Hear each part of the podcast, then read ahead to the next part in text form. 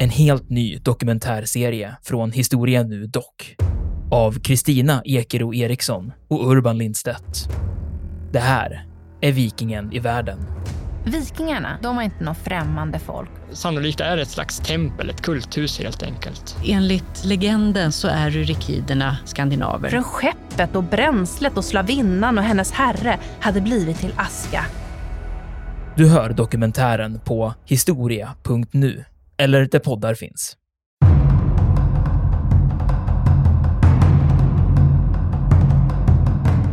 Danskarna inser att vi måste ju lösgöra nu armén som ligger ute i de här forten. Hur gör vi det? Jo, vi sätter in vår reserv.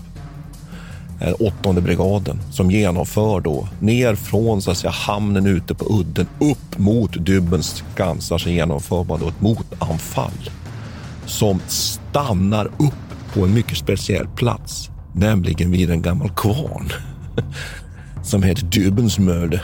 Jag ber om ursäkt nu för våra danska lyssnare här, men den platsen är enormt betydelsefull liksom i den här, eh, kan man säga, nationalromantiska historieskrivningen. Dybensmölle. Och den finns kvar och den vårdas väldigt ömt.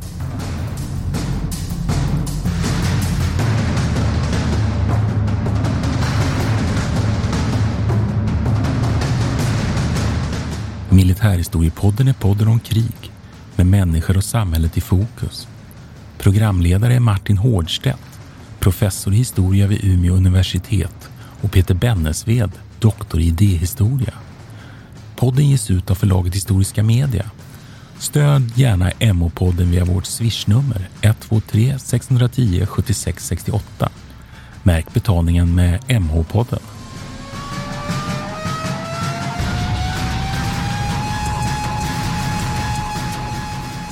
Välkommen till Militärhistoriepodden. Det här är Peter Bennesved.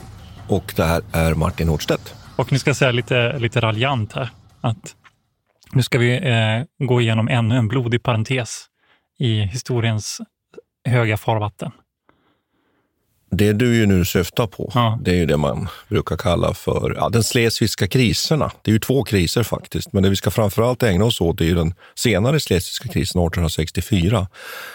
Den politiska konflikt och den militära konflikt mellan Danmark och Preussen-Österrike som ju leder till att Danmark förlorar sina, faktiskt tre, tyska hertigdömen i södra delen av Danmark. Det är det du pratar om. Det här. Och då skulle jag vilja replikera direkt och säga så här. Eh, det kan man tycka, för att det här kriget på många sätt är ju ett ganska meningslöst krig i många avseenden. Men det är betydelsefullt och det har framför allt, skulle jag vilja säga, i Danmark idag till och med, i nuet, har det en väldigt stor eh, betydelse när man blickar tillbaks. Den här, det, det är så att säga en, en sån här, det är en, en symbol för så mycket i dansk historia. Då. 1864 är det år, året då den slutgiltiga katastrofen inträffade och där Danmark blev det lille putt välde som ju faktiskt en del danska historiker till och med pratar om. Så att jag skulle direkt vilja säga att ja, det är i vissa avseenden en parentes, men det har, det har fått en väldigt stor betydelse, inte minst mentalt, psykologiskt för Danmark. Men om man tittar från det centraleuropeiska hållet eh, så får, ju- blir ju också bilden en annan.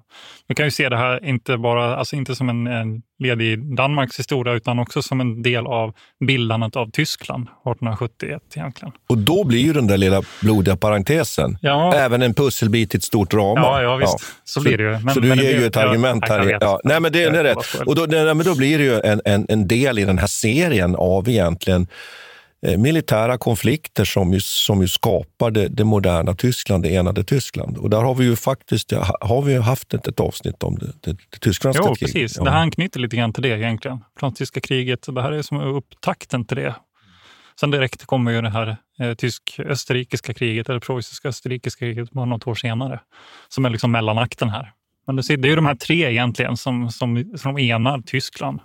Ja, att man enar Tyskland med, på det sätt som ju faktiskt... Det, det, I efterhand har man ju ofta sett det där som att det fanns ett medvetet program som Bismarck driver. Och där är ju forskningen har ju lite olika uppfattningar om det. En menar att det faktiskt är på det sättet. att Han, han pratar ju om att nu är det, nu är det färdigparlamenterat och, och, och, samtalat här. Vi kommer inte kunna prata ihop ett enat Tyskland, utan nu är det med blod och järn som Tyskland ska enas. Och det, det är väl det man i praktiken gör. Men jag tänkte, ska vi, vi, vi lite veva bandet bakåt lite? Ja, här, precis. Innan säga. vi går loss på alla. Jag tänkte just Ja. avbryta det och säga så här, nu, nu håller vi på att analysera sönder innan vi ens berättat vad som Nej. händer.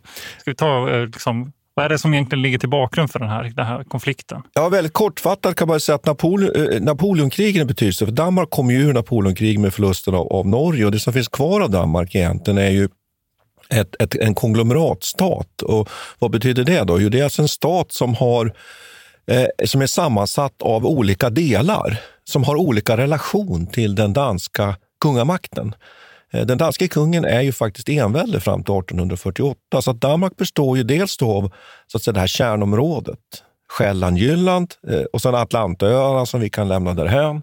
Och sen då tre stycken faktiskt eh, tyskspråkiga, tyskkulturella eh, hertigdömen i södra delen av, Danmark.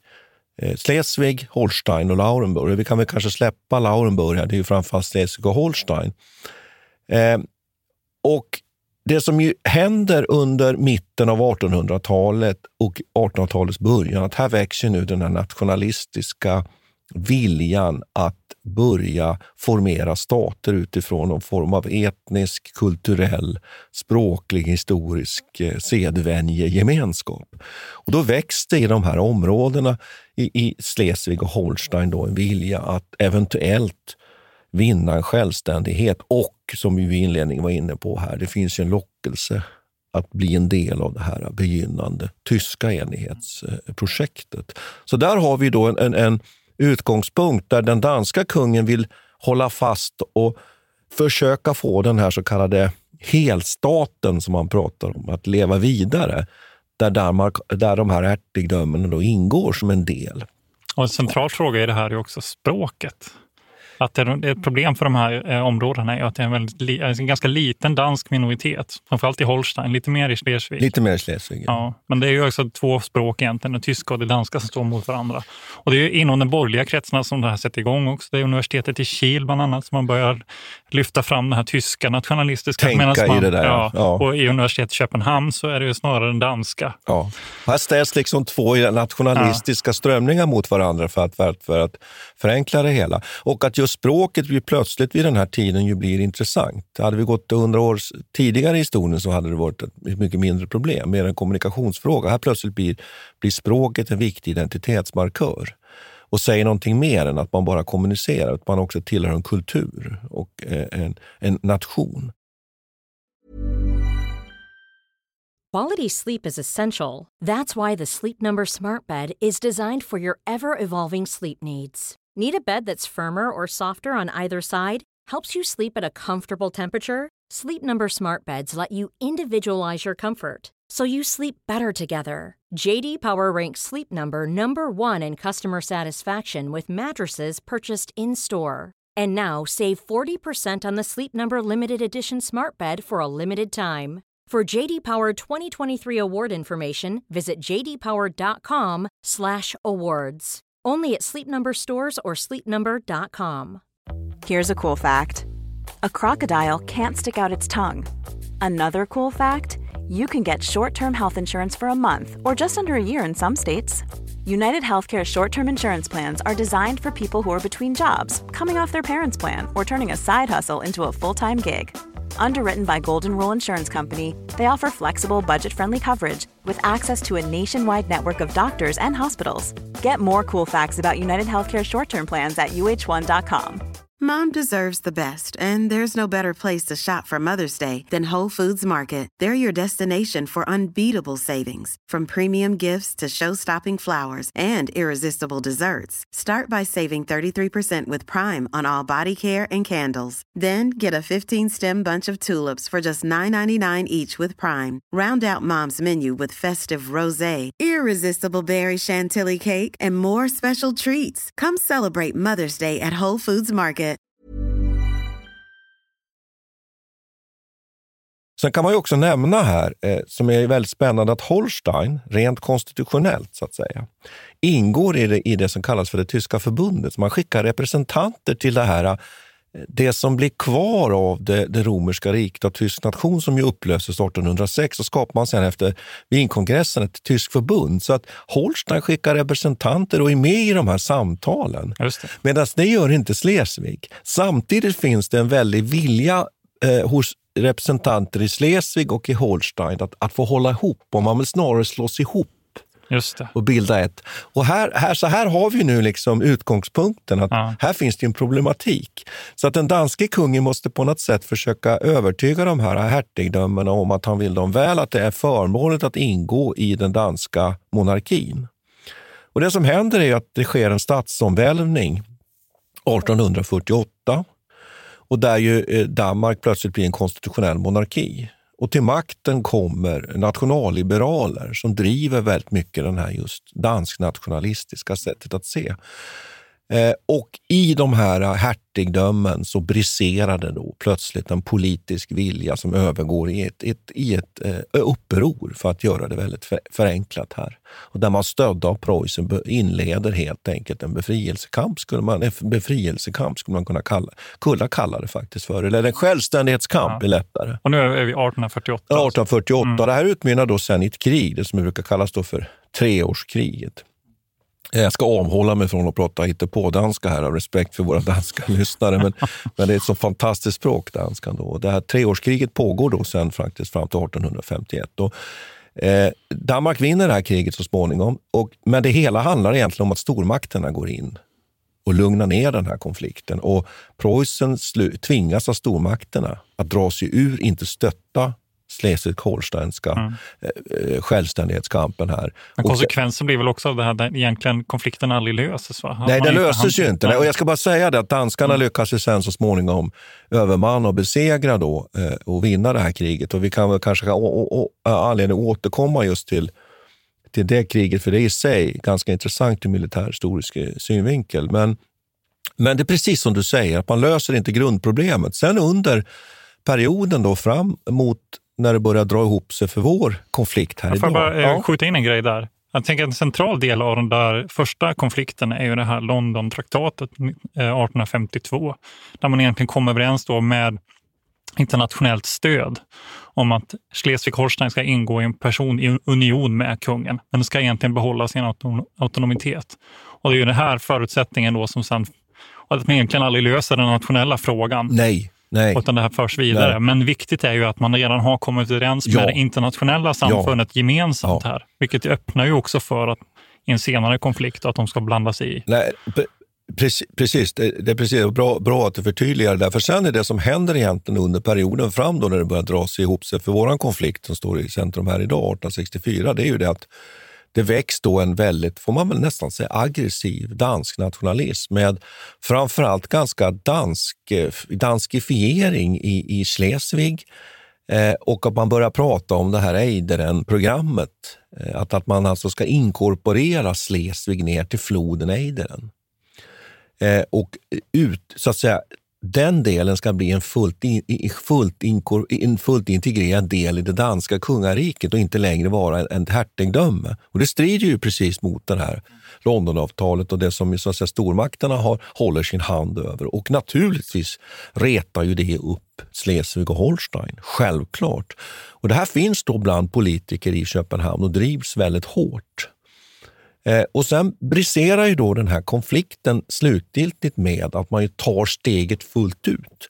Från dansk synvinkel så har man då vunnit kriget, det tidigare kriget 1848-1851 eh, och har på något sätt en övertro på sin militära förmåga. Man tror att den segern handlade om den danska militära kompetensen och styrkan och så är det ju inte. Utan det handlar ju egentligen om att Preussen drog sig ur.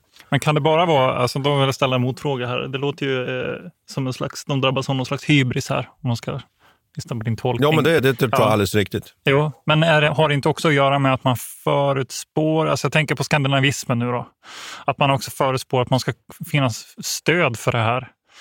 Eh, alltså från skandinaviskt håll, framförallt från Sverige bland annat. Ja, det finns den här samhörighetsnationalismen i Skandinavien som ju odlas framför allt i, ja, faktiskt i studentkretsar och, och där man träffas och har möten och odlar den här tanken mm. på nästan en, en nordisk union på något ja, precis. sätt. Jag tänker att modet till att driva den här linjen som man gör måste ju ha ganska mycket med det här att göra. Att man också tänker sig att man ska få stöd. Ja, man får ju löften mm. från Karl XV som kanske kan ses mer som en romantiker egentligen än som en, som en realpolitiker. Problemet är ju, vilket kommer visa sig här, att han har ju inte stöd egentligen vare sig i, kanske möjligtvis i en viss del av den svenska opinionen, men han har ju framförallt inte stöd i regeringskretsar som inte är beredda att göra avsteg från, från den linje som i Sverige faktiskt har hållit. Och där vi skulle kunna prata om en neutralitetspolitiklinje här.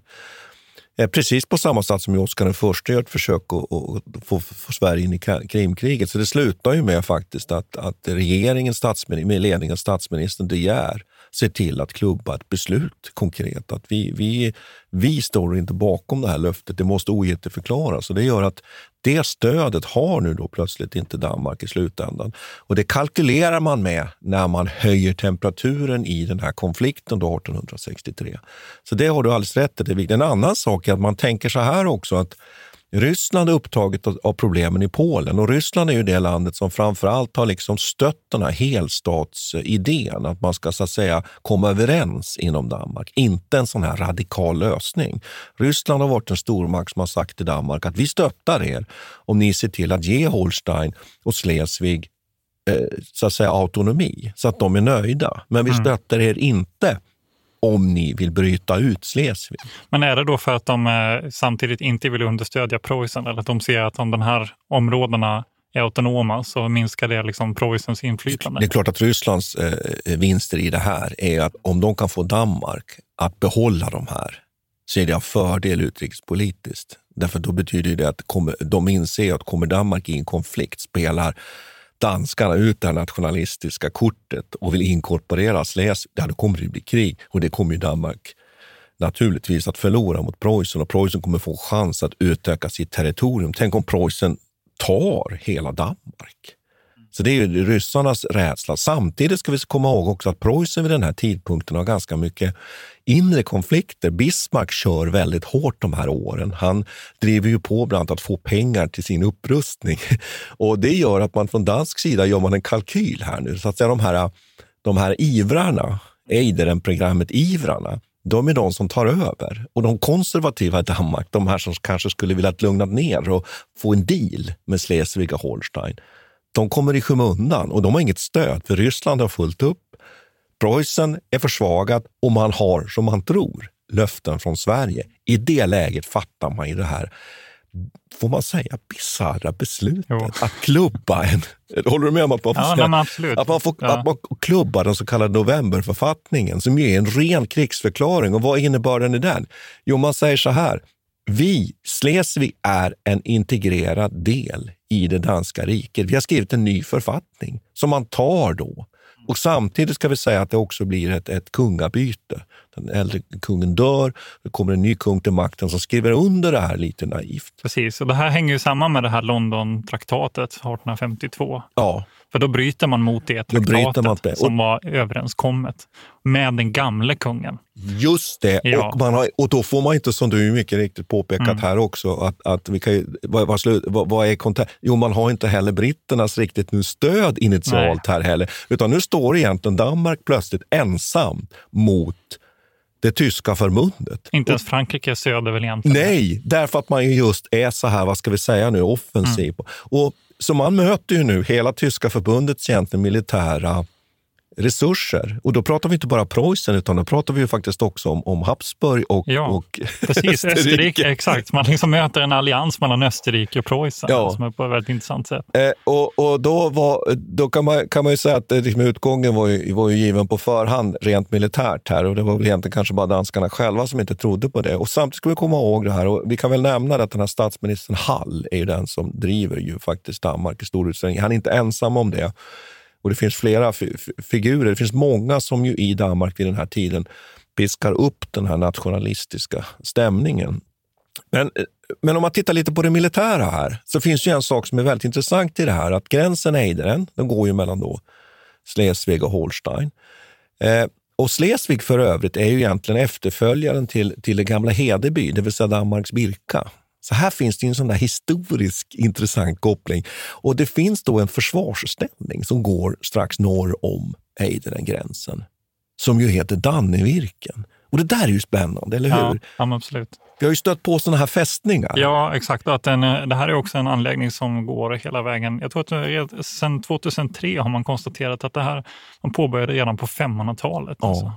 Så det är oerhört gammalt. Och det här har, eventuellt har det börjat som en slags vattenkanal. Mm. Att man ska försöka ja, understödja liksom transporter. Och sen har detta byggts ut så till en slags försvarsställning.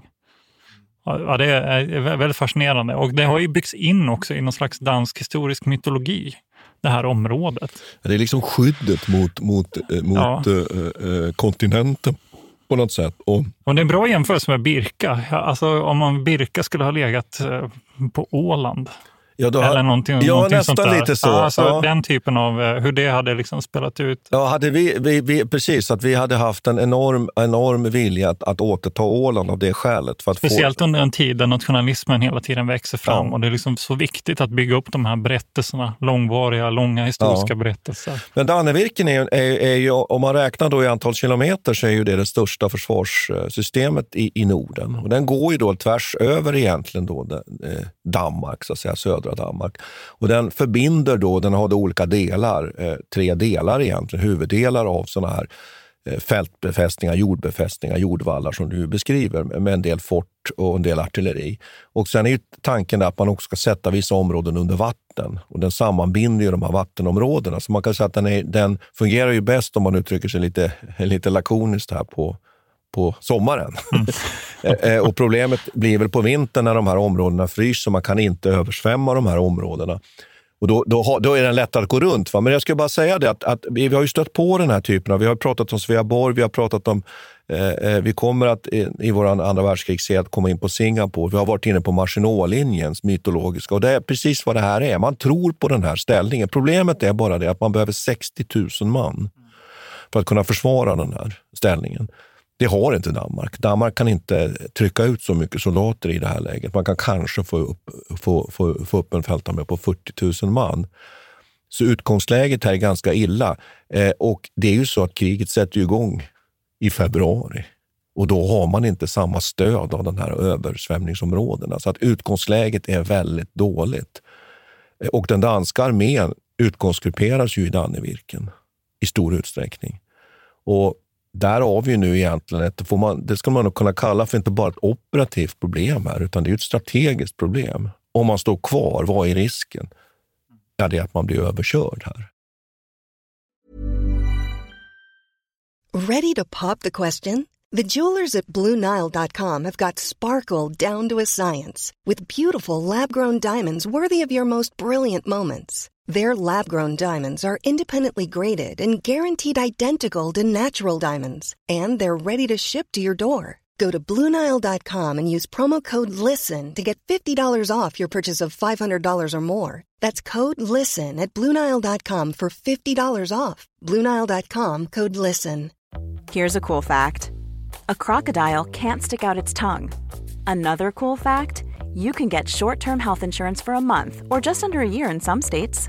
United Healthcare short term insurance plans are designed for people who are between jobs, coming off their parents' plan, or turning a side hustle into a full time gig.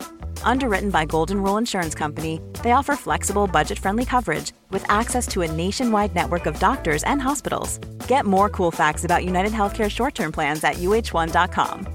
Quality sleep is essential. That's why the Sleep Number Smart Bed is designed for your ever evolving sleep needs. Need a bed that's firmer or softer on either side? Helps you sleep at a comfortable temperature? Sleep Number Smart Beds let you individualize your comfort so you sleep better together. JD Power ranks Sleep Number number 1 in customer satisfaction with mattresses purchased in-store. And now save 40% on the Sleep Number limited edition Smart Bed for a limited time.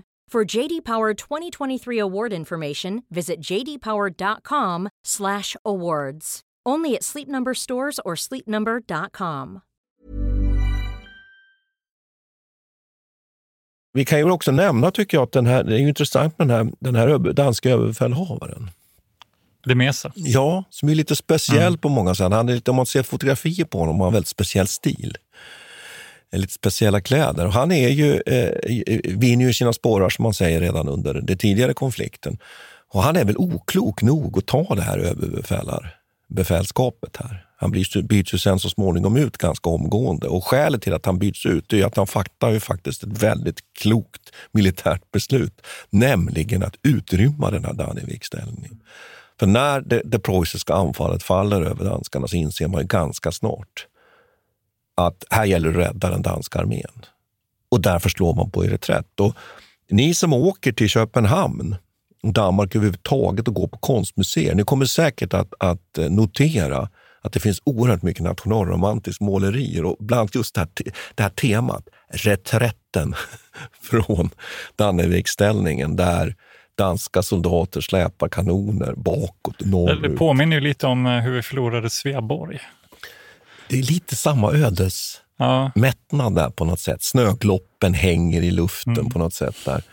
Eh, Men samtidigt så är det ju så helt rimligt. Jag vet inte, vad ska vi med de här... Eh, alltså det, är, det är alltid den där frågan om Maginot-linje-problemet. Liksom vad man ska göra med de där stora fästningarna som tycks ha en större symbolisk betydelse. Men vi har alldeles nyss pratat om Karlsborg också.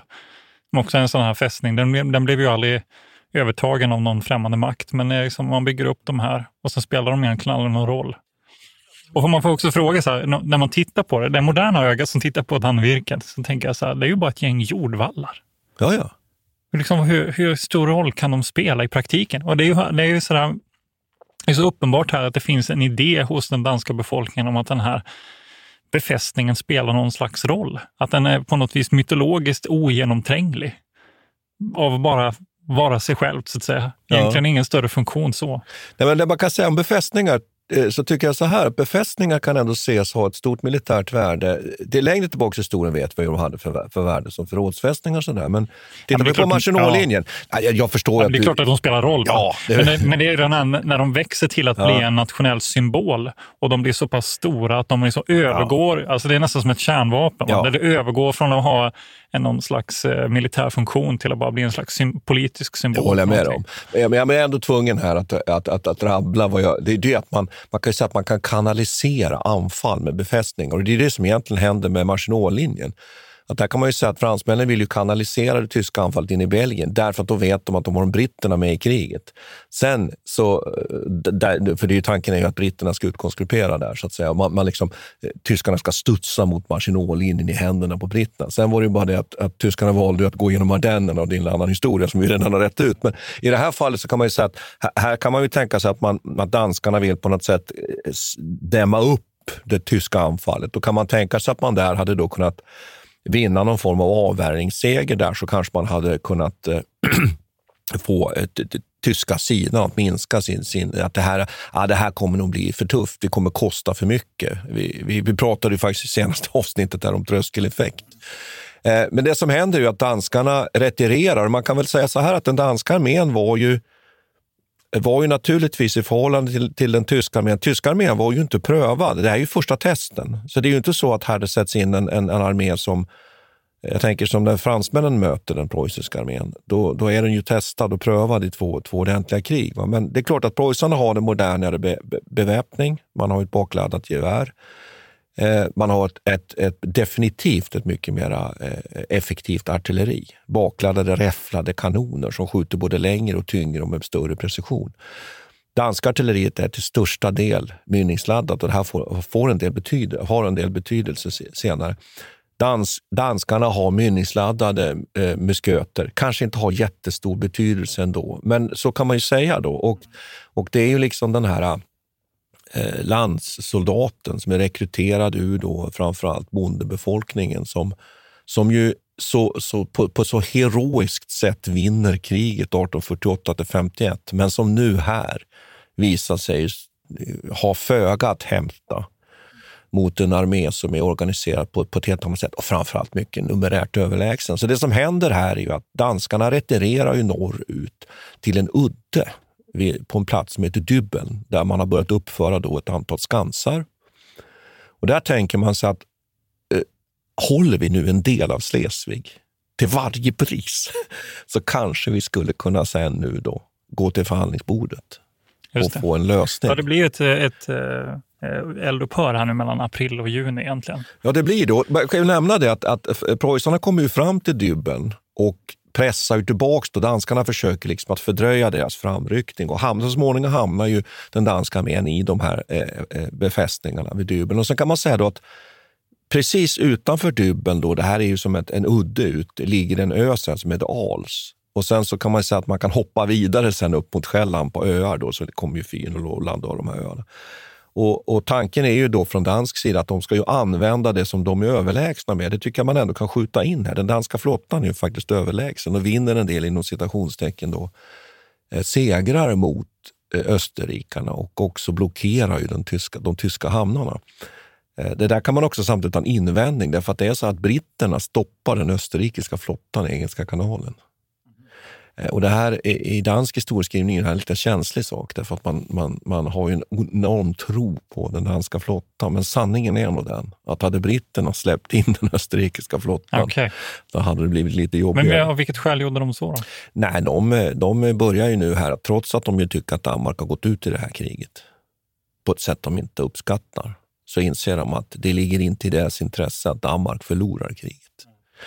Och det här tycker jag vi är inne på, på det, det stora med den här konflikten egentligen. Den avgörs egentligen på utrikespolitiska ja, precis. Jag tycker att det är det som är den övergripande känslan när du berättar om alla de här växlingarna och händelseförloppen. Det är ju att det egentligen spelar väldigt lite roll vad Danmark gör. De har satt igång den här rörelsen av, av något slags misstag eller av politisk eh, sedotism av något slag. Och nu, och nu, är de inne, och nu är de fast i det här ekorrhjulet egentligen och bara gnuggar sig mellan ett antal stormakter. Ja, och sen kan man säga mera konkret så gnuggas de ganska hårt i de här dubbelbefästningarna. Det, eh, jag rekommenderar ju den lyssnare som är intresserad av att åka till Danmark att ha varit på plats där. Och jag kan säga att det här är faktiskt ganska, nu låter det här kanske lite eh, intressant då, men det är faktiskt lite barnvänligt.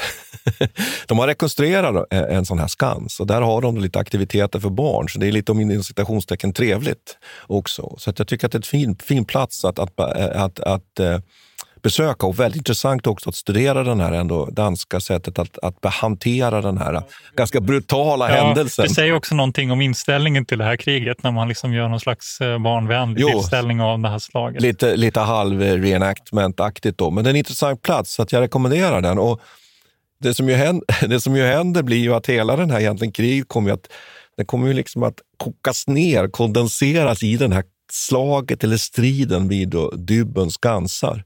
Och där ju preussarna sakta men säkert liksom gräver sig framåt och placerar batterier och börjar skjuta sönder de här skansarna. Och man har, har ganska väsentliga förluster i de här skansarna från dansk sida. Och sen så småningom då, du var ju inne på de här förhandlingarna, när de strandar. När de strandar och det blir inget slut, då bestämmer, och det vill ju Preussen. Preussen och Österrike, för vi ska ju komma ihåg att de är två parter här. De vill ju inget hellre. Då genomför de ju så småningom den här berömda, får man nog säga, faktiskt, stormningen av Dubenskansen Skansen den, den 18 april. Eh, och där inträffar ju en väldigt intressant och spännande händelse. Danskarna inser att vi måste ju lösgöra nu armén som ligger ute i de här forten. Hur gör vi det? Jo, vi sätter in vår reserv åttonde brigaden som genomför då ner från så att säga, hamnen ute på udden upp mot Dybbens skansar så genomför man då ett motanfall som stannar upp på en mycket speciell plats, nämligen vid en gammal kvarn som heter Dybensmöde. Jag ber om ursäkt nu för våra danska lyssnare här, men den platsen är enormt betydelsefull liksom i den här eh, kan man säga, nationalromantiska historieskrivningen. Dubensmölle. Och den finns kvar och den vårdas väldigt ömt. Men det här anfallet ändå är ju, trots att det är heroiserat, så är det ändå en, måste jag säga, en ganska respektfull militär insats. De är ganska slitna de här soldaterna, men de får stopp på det preussiska stormanfallet. Och då lyckas man lösgöra den danska armén och ta den över då till den här ön Als. Så man räddar spillrorna av den danska armén här. Men preussarna har ju egentligen härmed nu då tagit egentligen hela Slesvig och ökar ju sin, sina möjligheter i förhandlingarna. Sen kan man väl säga att, att, att, att preludet på hela detta är att, att preussarna sen så småningom senare under sommaren också, också landstiger och tar ön Als. Eh, och, och, där någonstans så, så, så ebbar så sen, sen så småningom striderna ut och sen blir det ju då en, för, en förhandlingslösning. Mm. Jag tycker att det som är eh, kanske mest intressant är vad som sker i efterhand här nu mellan... För I början så går ju eh, Österrike och Preussen tillsammans i det här. Men de delar ju egentligen upp sina intressenområden här nu när slaget är över. Så Preussen tar ju Schleswig, Österrike tar mm. Holstein. Mm. Och nu börjar den här konflikten mellan dessa just, två länder också just synas. Just. Och där har, nu är vi inne på de stora ja. konsekvenserna. Här. Ja, precis. För, för vad är det som sker här efter? Ja, det visar sig att Bismarck kanske inte var så där jätteintresserad trots allt av att understödja den här Augusten, prins Augustenberg, då, som, som eh, prinsen av Augustenberg, som ville ha en slags eh, autonom region här. Utan han var kanske mest intresserad av att inkorporera det här i det preussiska riket. Så därför vänder, här vänder han ju opinionen egentligen och går emot sina egna nationalliberaler som annars. Och det är på ett väldigt intressant sätt att Bismarck här i det här kriget lyckas samla de här splittrade nationalisterna. För de har ju två olika linjer här, Kleindeutsch och Grossdeutsch. Just det, det stora och det lilla Tyskland. Ja, som mm. de håller på att strida om inom Preussen och inom det här tyska förbundet, hur man ska göra det här på lång sikt. Men danska kriget här lyckas han ju ena dessa två till en. Det är ett slags avvärjningskrig på sätt och vis, kan man eventuellt se det som. Det påminner lite om, om det har lite den strukturen. Han lyckas liksom förena landet politiskt, så att säga, genom det här. Men sen så är det ju då, när österrikarna väntar ju sig nu att det ska bli en slags förhandling, att vi ska lösa det här med någon slags ny konstitution eller någonting annat. Medan preussarna bara tycker att, nej men förresten, det här var ju ganska bra. Vi kanske bara stannar kvar här. Ja. Så i, i, praktiken blir det ju inget lösgörande av den här staten eller den här eh, nej, nej, hertigdömet, utan nej. det blir bara en militär ockupation. Ja, ja. Och, och, det är ju det som är liksom det bestående arvet egentligen. Mm. Man, bara, mm. man tvingar ju faktiskt den här prinsen att gå med på att eh, Schleswig-Holstein ska inkorporeras i den preussiska militärmakten egentligen, mm. även om det så att säga, förblir en autonom region. Mm. Ja, det är spännande. Och sen, det kan man ju bara lägga till där att konsekvensen av den österrikisk-preussiska konflikten där, som, det finns ju en större konflikt naturligtvis, det handlar inte bara om det här landområdet. Mm. Men det triggar ju så småningom det som ju blir kriget 1866. Ja. Och det, det, det, måste vi i något sammanhang ta upp, för då har vi ju sen den här treklövern, vi säger nu, då, där vi förklarar eh, Tysklands enande med de här tre militära konflikterna. Hi, I'm Daniel, founder of Pretty Litter. Did you know cats tend to hide symptoms of sickness and pain? I learned this the hard way after losing my cat, Gingy. So I created Pretty Litter, a health monitoring litter that helps detect early signs of illness by changing colors, saving you money and potentially your cat's life. Pretty Litter is veterinarian developed, and it's the easiest way to keep tabs on your fur baby's health right at home. Go to prettylitter.com and use code ACAST for 20% off your first order and a free cat toy. Terms and conditions apply. See site for details. Even when we're on a budget, we still deserve nice things. Quince is a place to scoop up stunning high end goods for 50 to 80% less than similar brands. They have buttery soft cashmere sweaters starting at $50, luxurious Italian leather bags, and so much more. Plus, Quince only works with factories that use safe, ethical, and responsible manufacturing. Get the high-end goods you'll love without the high price tag with Quince.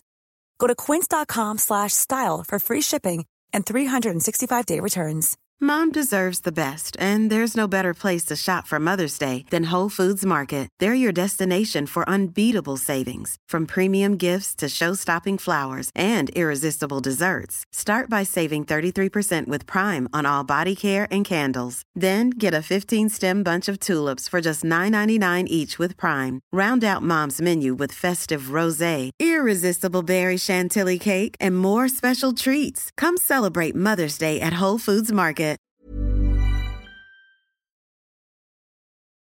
Kriget ebbar ju ut i augusti då, där, man, där Danmark går till förhandlingsbordet. Sen har vi då den här freden så småningom som skrivs eh, under. Det är ju lite intressant att den skrivs, skrivs under då den 30 oktober 1864 i Wien. Så, så här är fortfarande då Österrike ändå en aktör. Mm. Ja, men de försöker ju hindra det här. De inser ja. ju sitt misstag på sätt och vis och försöker liksom, de vill få till det här avtalet för att minska Preussens eh, liksom makt i det här området. Så det är, inte, det är inte så märkligt egentligen att de driver det till Wien.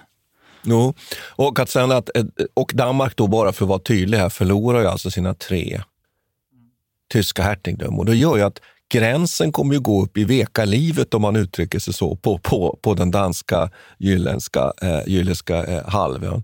Och eh, jag ville bara nämna det att man brukar i dansk historieskrivning just lyfta fram ett par tillfällen i deras historia där det är riktigt illa, där, där så Danmarks existens i någon mening ju faktiskt hotas. Och, och ett av de tillfällena är, är dels på 1500-talet, precis efter Kalmarunionens upplösning, så kallade grevefejden, eh, 1534 till 1536, där man menar att här, här höll det på att gå riktigt illa. Andra tillfället är ju faktiskt Karl Xs direkta dödshot mot den danska staten. 1658 med Roskildefreden, och också försöka storma och ta Köpenhamn senare. Det som sen utmynnar, han dör ju då, men utmynnar 1660 då i det slutfreden där. Och sen har vi då 1864. Och det kan man ju resonera lite kring här. Är det verkligen så att, att eh, eh, är det så att Danmark är så hotat till livet här? Och Det kan man ju diskutera. Jag skulle vilja eh, eh nämna en sak, att det har, det har producerats, eh, dansk tv har gjort ett jätteprojekt, ett av de dyraste produktionerna, om det inte är den dyraste. Riktig eh, kostymfilm om 1864. Jag tror att det är åtta program faktiskt.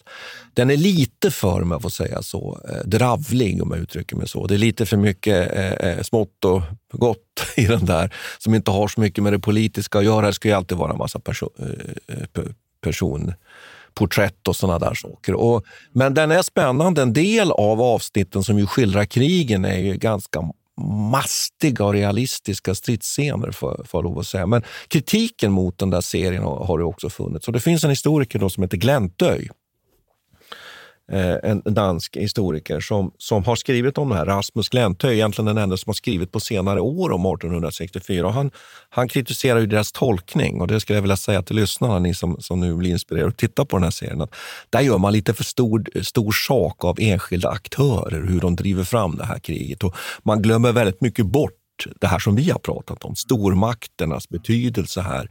Eh, att, att det, det svenska inom citationstecken då, eh, sveket och så vidare. Eh, det glömmer man ofta bort och så gör man väldigt stor sak av, av en del eh, figurer. Det finns bland annat, då, bland annat då den här eh, aktören, en av de främsta aktörerna, då, den här Monrad, finns ju eh, beskriver man i den här filmen, tycker jag, på ett väldigt överdrivet sätt. Är någon slags eh, ideolog eller? Vad. Ja, han är, han är väl på något sätt en, en väldigt sån här nationalromantisk ideolog och agerar ju då i, i den, den danska då, riksdagen och blir så småningom statsminister faktiskt under kriget. och, och, och man har ifrågasatt hans ledning och hans egentligen bevekelsegrunder. Han kommer sen att emigrera till Nya Zeeland faktiskt. Han gör bort sig helt enkelt under kriget. Och honom så tycker jag att man porträtterar på ett väldigt felaktigt sätt. sätt men, eh, men, men nog om det. Men jag tycker att eh, och jag, och jag tycker också att det här med myten om 1864, den ska vi tona ner. I Danmark kommer man på något sätt, det, det är liksom år noll på något sätt. Den mm. stora katastrofen. Men hur är det nu då? Ja. Eh, är det så att Schleswig är, är förlorat för all framtid nu då, efter det här kriget? Nej, det är ju inte så, därför att man får ju tillbaks, kan man säga, halva Schleswig. Det sker ju en gränsreglering efter första världskriget. Så att den gräns idag som går då strax norr om Flensburg, den är ju alltså att Danmark får tillbaka en del. Okej. Okay. Ja. Men om man kollar på, alltså jag satt ju faktiskt och kollade på den här kartan innan vi gjorde det, eller vi mm. skulle spela in. Mm. Men då ser det ut som att gränsen nu går i, den, i, i efter det här, alltså samma gräns som man upprättar efter det här kriget. Men det är, är det inte så? Nej, utan att man, det, det är alltså en större del som tillhör det Tyskland fram då till första världskriget och då får sen då Danmark eh, på, på 1920-talet tillbaks faktiskt en del av Slesvig. Så det kan vara viktigt här. Så det betyder att, att eh, eh det skedde då en, eh, naturligtvis på grund av att Tyskland var, var, led nederlag i första världskriget. Då.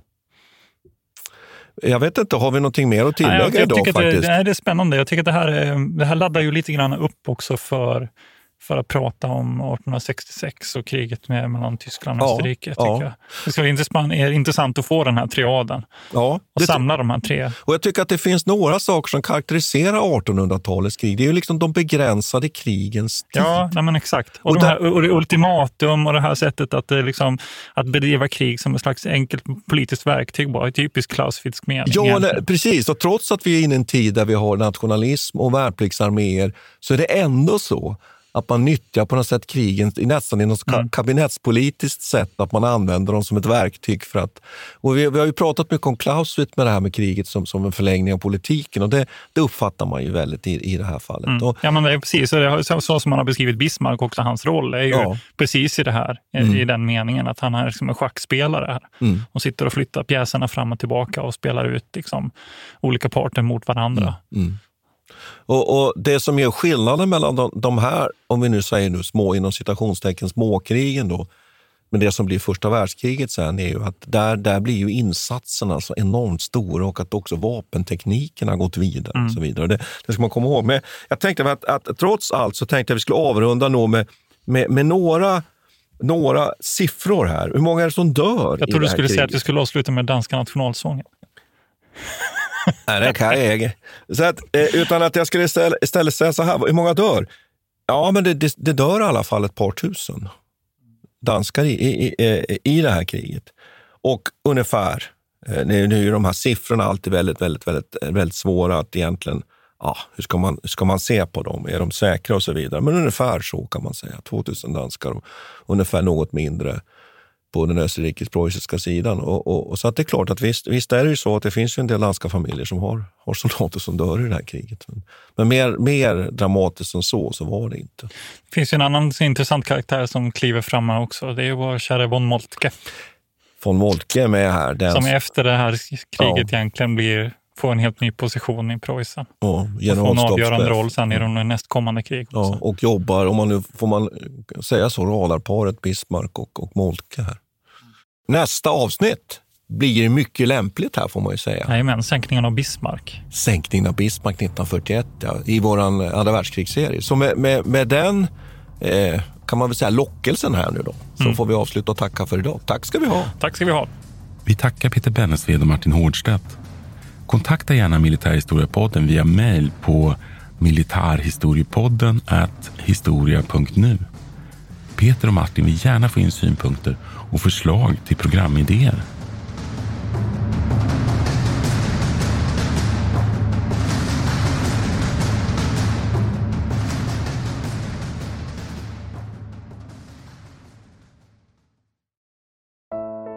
Iran har under 1900-talet genomgått tre omvälvande revolutioner som orienterat landet antingen mot västerlandets modell eller mot en auktoritär styrelseform.